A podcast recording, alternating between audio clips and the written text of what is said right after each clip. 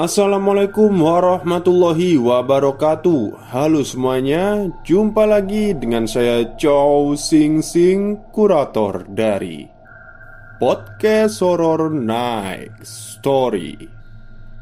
Halo apa kabar semuanya? Semoga kalian sehat-sehat saja ya.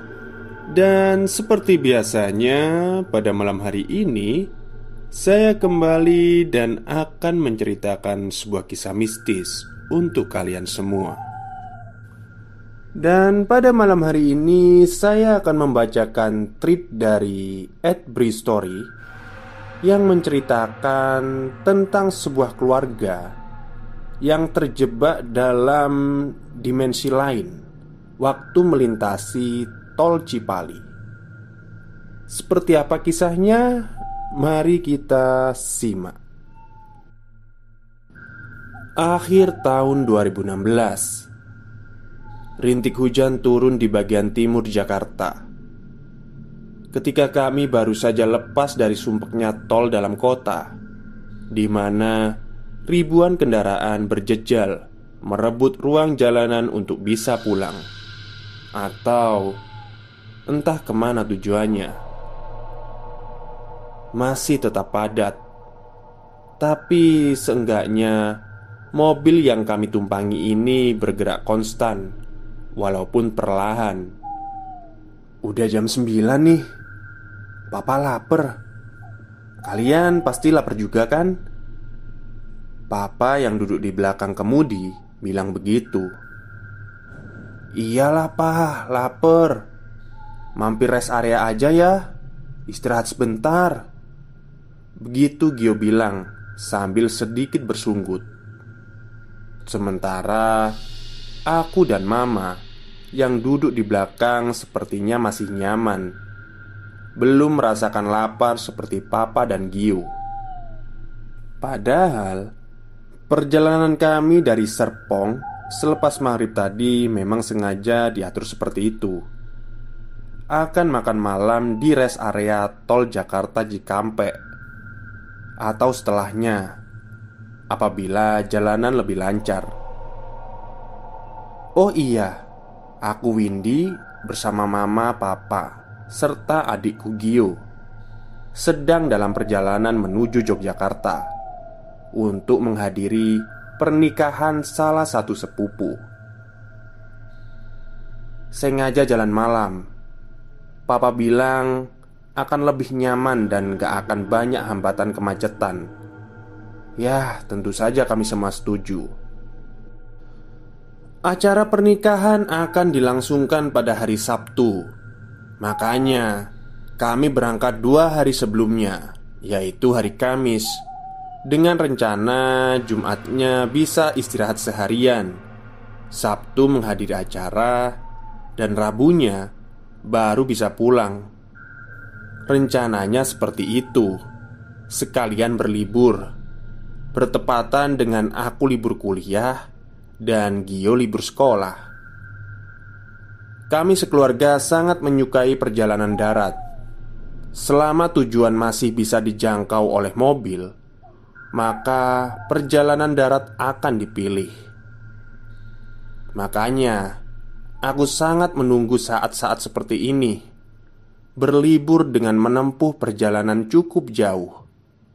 Kali ini destinasi Jogja. Nah, tuh rest area apa? Alhamdulillah, udah lapar banget aku nih. Lagi-lagi Gio mengutarakan keluh kesah perutnya. Tapi benar yang Gio bilang, kami memang sudah mendekat ke rest area kilometer 39. Dari kejauhan sudah kelihatan. Gak lama papa lalu mengarahkan kendaraan ke kiri Lalu masuk ke rest area. Sambil papa mencari tempat parkir Aku melihat suasana sekeliling. Masih jam setengah sepuluh. Tentu saja Tempat yang diperuntukkan bagi pengguna jalan tol Untuk beristirahat ini masih cukup ramai Walau nggak seramai akhir pekan Ini bisa dibilang merupakan rest area besar dan lengkap. Selain toilet dan kamar mandi, ada toko makanan yang banyak. Penjual kopi juga ada. Bahkan tempat ibadah pun juga ada.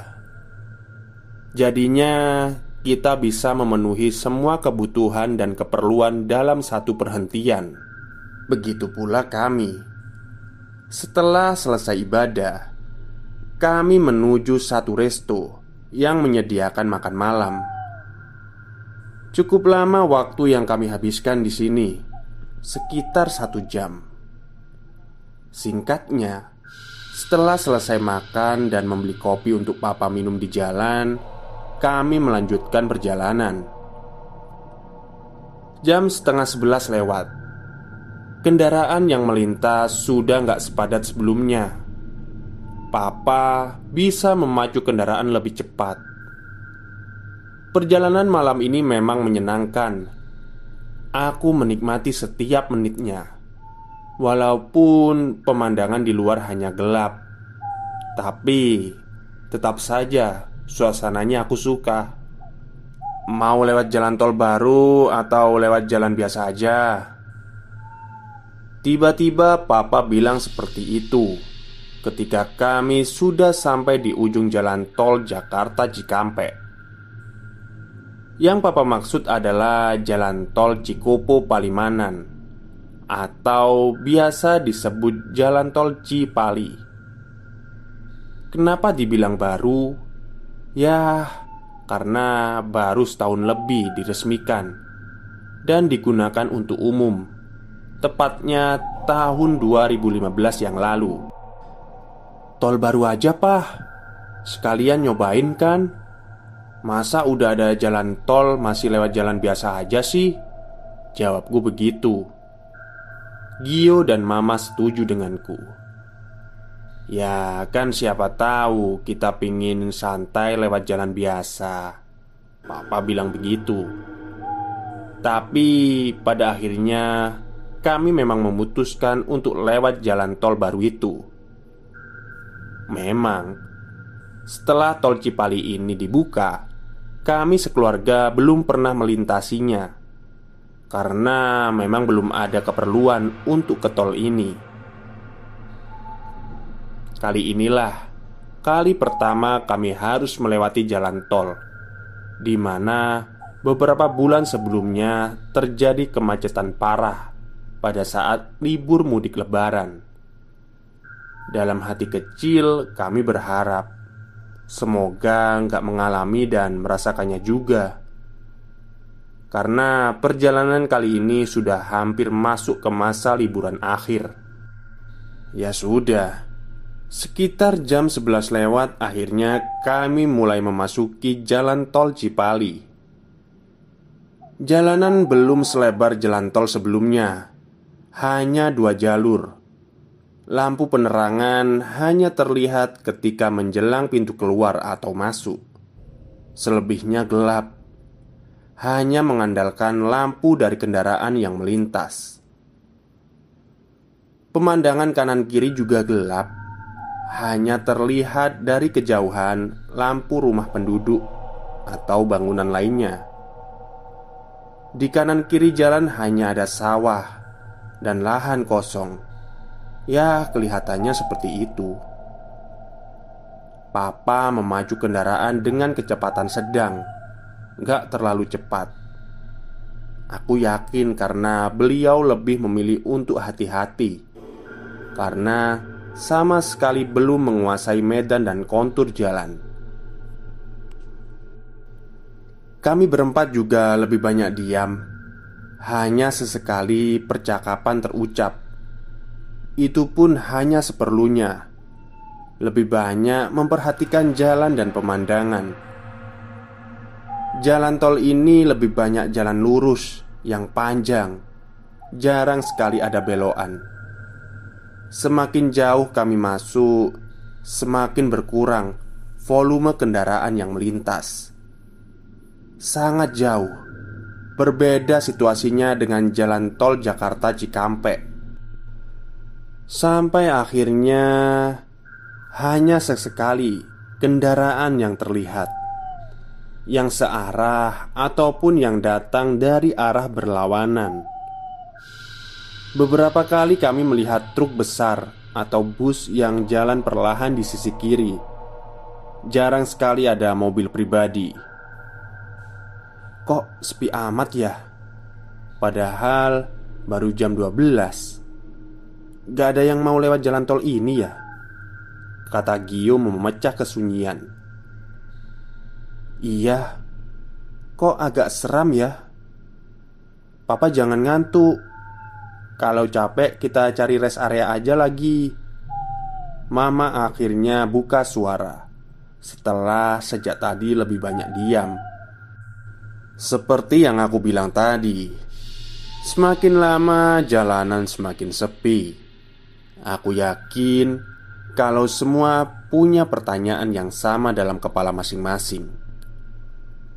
Mama tadi sempat menyinggung rest area, tapi setelah aku perhatikan, selama sudah menempuh entah berapa kilometer, kami baru melewati satu rest area itu pun masih dekat ke wilayah Cikampek.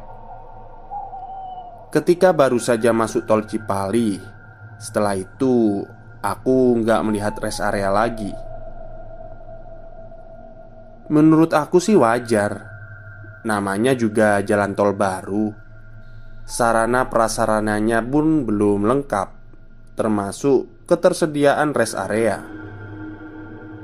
Jadi, kami harus mempersiapkan diri untuk menahan segala kegiatan yang membutuhkan tempat istirahat, karena nggak tahu kapan dan di mana rest area akan ditemui. Namun, perjalanan masih harus berlanjut. Sampai entah sudah masuk kilometer berapa aku tersadar kalau sudah beberapa menit lamanya Nggak melihat adanya kendaraan. Sepi Kosong. Hanya kami sendirian Yang melintas di jalanan tol panjang ini Aneh Kok sepi banget ya Pada ke mana mobil lain Papa bilang begitu sambil matanya terus memerhatikan jalan. Aku, Gio, dan Mama hanya diam, gak ada yang menanggapi. Gio, lu ada sinyal gak? Tanyaku ketika melihat layar ponsel. Ada tulisan No service.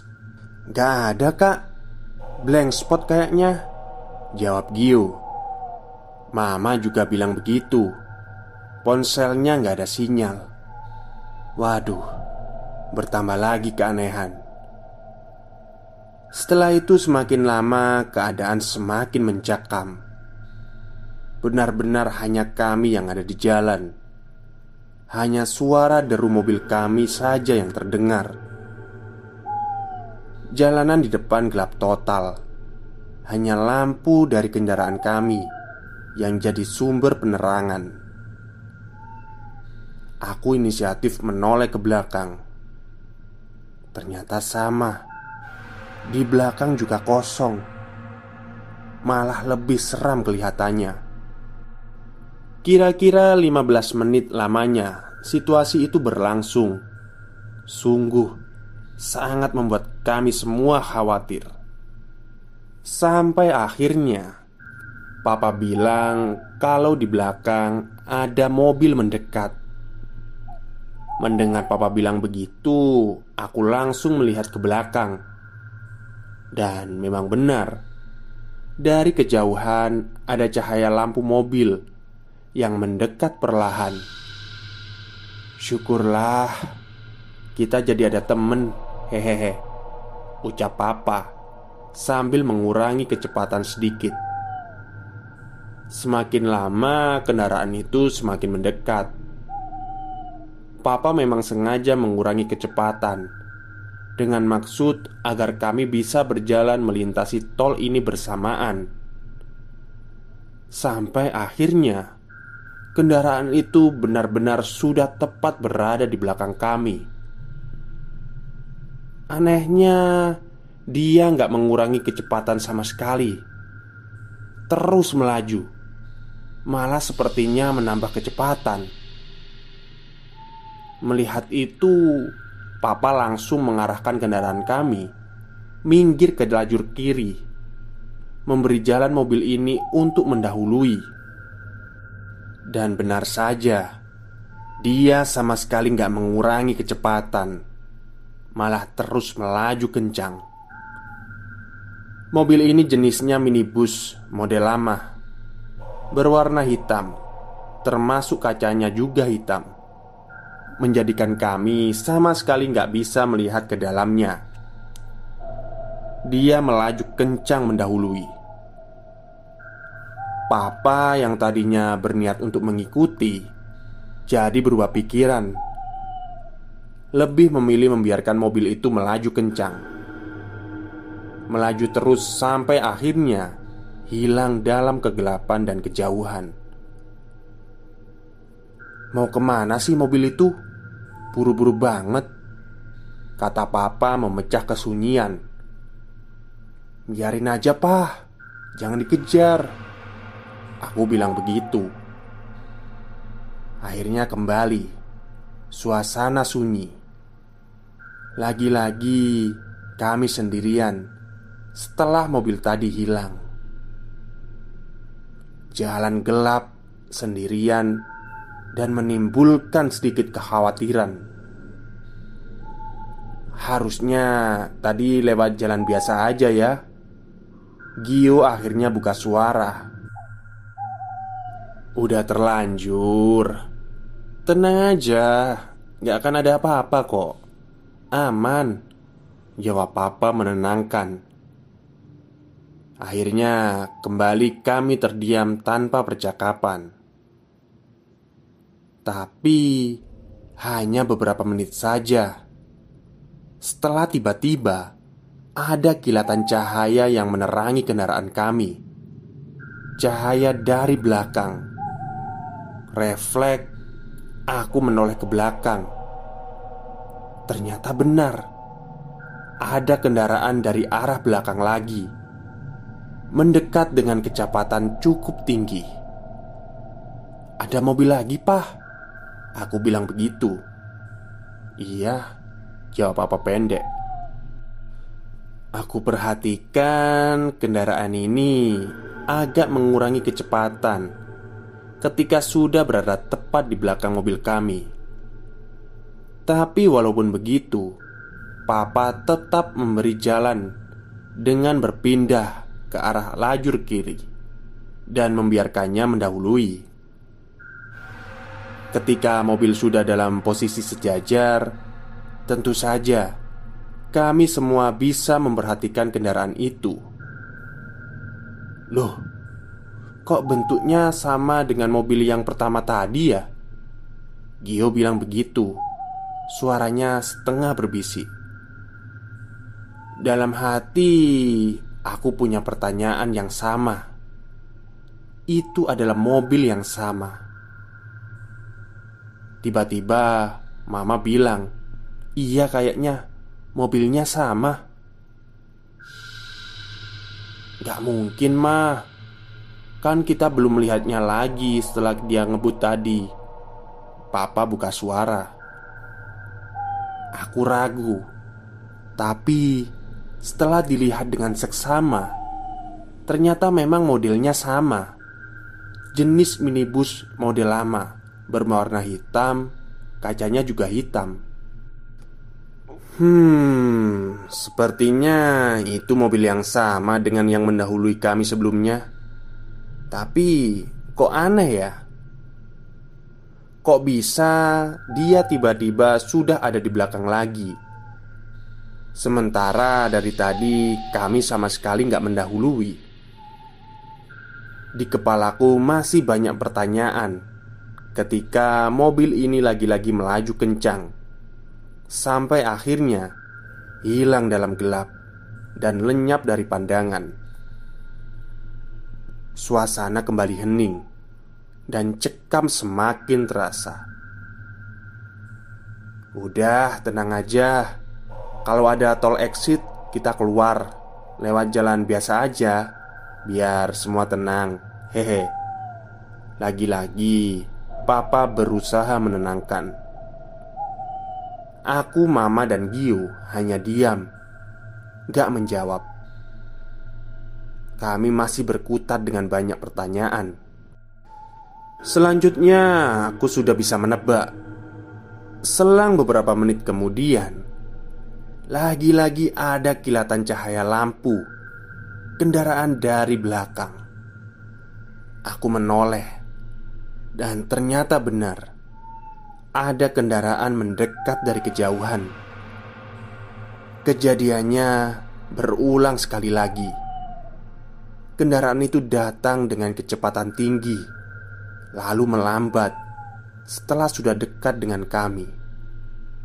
Sekali lagi, Papa memindahkan kendaraan ke lajur kiri, memberi jalan untuk mobil misterius itu mendahului, dan lagi-lagi kami semua memperhatikan mobil itu. Sangat susah untuk disangkal kalau yang melintas untuk yang ketiga kalinya ini adalah mobil yang sama. Bentuknya sama persis. Jenisnya juga sama.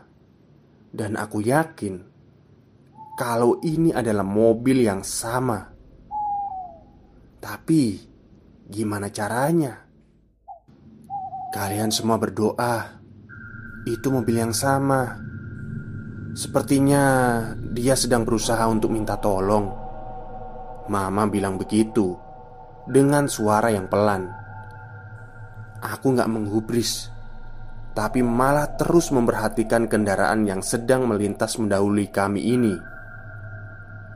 Kali ini kecepatannya lebih pelan, malah tampak gak berniat untuk mendahului. Melihat ini, Papa memperlambat lagi laju kendaraan dengan tujuan supaya mobil misterius ini bisa mendahului.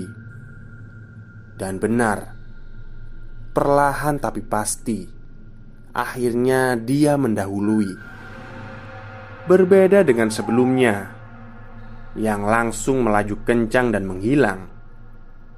Kali ini mobil itu malah melambat setelah sudah berada beberapa ratus meter di depan. Sampai akhirnya si mobil misterius ini berpindah jalur sampai ke bahu jalan, seperti ingin berhenti.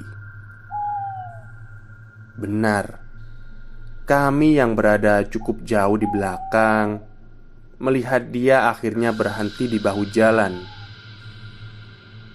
Kenapa dia berhenti ya? Ada apa? Tanya papa pelan. Dia butuh bantuan. Mama sekali lagi bilang begitu. Papa nggak usah aneh-aneh deh. Jangan macem-macem apa. Aku bilang begitu. Karena melihat Gelagat papa yang sepertinya Akan ikut meminggirkan kendaraan juga Bener kata mama. Takut kalau-kalau dia minta bantuan. Begitu papa bilang. Aku dan Gio gak bisa berkata apa-apa lagi. Papa adalah seorang aparat.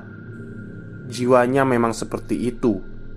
Harus mencari tahu kalau terlihat ada yang gak beres. Benar adanya Akhirnya kami berhenti tepat di belakang mobil misterius ini. Papa hati-hati Ucap mama. Iya mah Kalian jangan ada yang ikut keluar ya Tetap di dalam. Papa bilang begitu Lalu langsung keluar dari mobil. Aku melihat kalau mobil hitam ini lampunya masih menyala Sepertinya mesinnya juga nyala. Papa berjalan mendekati pintu sopir. Gak lama karena jaraknya dekat, Papa akhirnya sampai di samping pintu depan. Kami yang di dalam kendaraan terus memperhatikan gerak-gerik Papa. Sepertinya kaca jendela depan dari mobil itu terbuka karena aku melihat kalau Papa melongok ke dalam. Hanya beberapa belas detik, dan Papa langsung kembali berjalan ke arah kendaraan kami. Kelihatannya langkahnya terburu-buru. Setelah sampai, Papa langsung masuk. "Kenapa dia, Pak?" Kami kompak bertanya. "Gak ada apa-apa, aman," jawabnya pendek. Setelah itu, Papa langsung menjalankan kendaraan kami lagi melewati mobil misterius itu yang masih berhenti. Aku tahu ada yang gak beres setelah melihat gelagat papa, dan benar dugaanku. Setelah kendaraan kami tepat berada di sebelah kendaraan itu, aku melihat kalau kaca jendelanya terbuka lebar. Kaca jendela pintu supir karena itulah aku jadi bisa melihat ke dalam walau sekilas. Aku kaget karena melihat kalau di dalam kosong, gak ada sama sekali orang di dalamnya, termasuk supir. Aneh dan seram. Setelah itu, sama sekali gak ada perbincangan di antara kami. Papa juga nggak mengeluarkan sepatah kata pun. Dia menginjak pedal gas cukup dalam. Pah, kalau ada rest area mampir dulu sebentar ya. Aku pingin pipis. Aku bilang begitu. Ketika beberapa belas menit sudah berlalu. Iya, iya. Jawab papa pendek. Jelas. Masih ada nada cemas terdengar dan syukurlah Dari kejauhan Aku melihat ada tanda-tanda keberadaan rest area Nah, itu rest area Windy jadi ke toiletnya kan? Tanya papa memastikan Jadi pah, aku udah kebelet banget Papa lalu membelokkan kendaraan Masuk ke rest area Aku sudah bisa menebak kalau rest area ini pasti belum bagus dan masih sangat sepi. Kami nggak melihat ada kendaraan sama sekali. Hanya ada beberapa warung kecil berbaris. Itu pun sepertinya dalam keadaan tutup. Papa memarkirkan kendaraannya di depan salah satu warung. Toiletnya kayaknya itu deh. Papa antar kamu ya. Papa menunjuk salah satu bangunan kecil yang letaknya agak jauh Di belakang deretan warung. Turun dari mobil Aku bersama papa Berjalan dalam gelap menuju toilet Cukup jauh jaraknya Sekitar 50 meter Toilet kecil dengan lampu temaram kalau sudah selesai, jangan jalan sendiri ke mobil ya, tunggu papa. Begitu papa bilang. Aku mengangguk. Kemudian masuk ke toilet perempuan. Sementara papa masuk ke bagian laki-laki. Suasana masih sangat mencekam. Teringat dengan kejadian sebelumnya. Ditambah dengan situasi rest area yang seram membuat aku buru-buru menyelesaikan buang air kecil. Setelah selesai, aku langsung keluar. Setelah sudah berada di depan toilet, aku gak melihat papa. Sepertinya dia masih di dalam. Gak lama, hanya beberapa detik kemudian, tiba-tiba aku melihat ada mobil mendekat ke tempat aku sedang berdiri. Entah datangnya dari mana. Kemudian akhirnya mobil ini berhenti tepat di depanku. Hanya beberapa meter saja jarak kami. Sejenak kemudian aku tersadar kalau ternyata aku mengenali mobil ini. Ini adalah mobil misterius yang kami temui di jalan tol. Minibus model lama berwarna hitam. Jantungku seperti berhenti berdetak. Ketakutan. Tapi rasa penasaranku mengalahkan kadar nyali yang semakin rendah. Dalam ketakutan yang dirasa, kaki malah melangkah mendekat ke mobil itu. Setelah sudah sampai di samping mobil, aku melihat kalau kaca depan dalam keadaan terbuka, dua-duanya. Sementara mesin dan lampunya masih menyala. Aku lebih mendekat lagi dengan maksud untuk melihat ke dalam.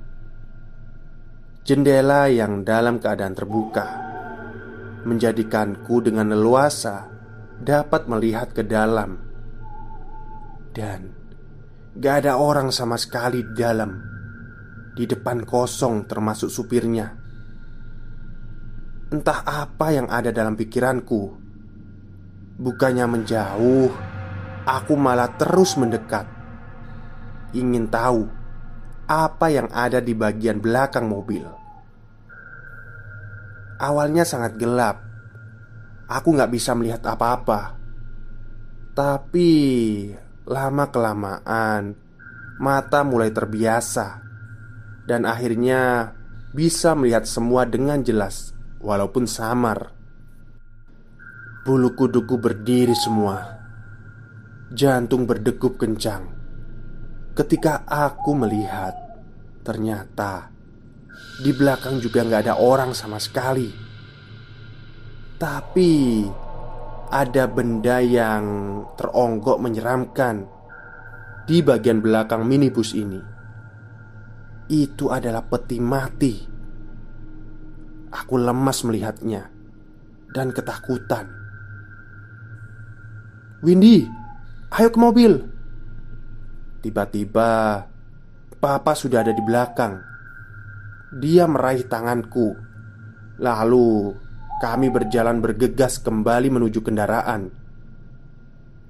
Gak berlama-lama, setelah sudah berada di mobil, Papa langsung tancap gas, meninggalkan rest area, dan meninggalkan mobil misterius itu. Di sisa perjalanan, kami diam seribu bahasa.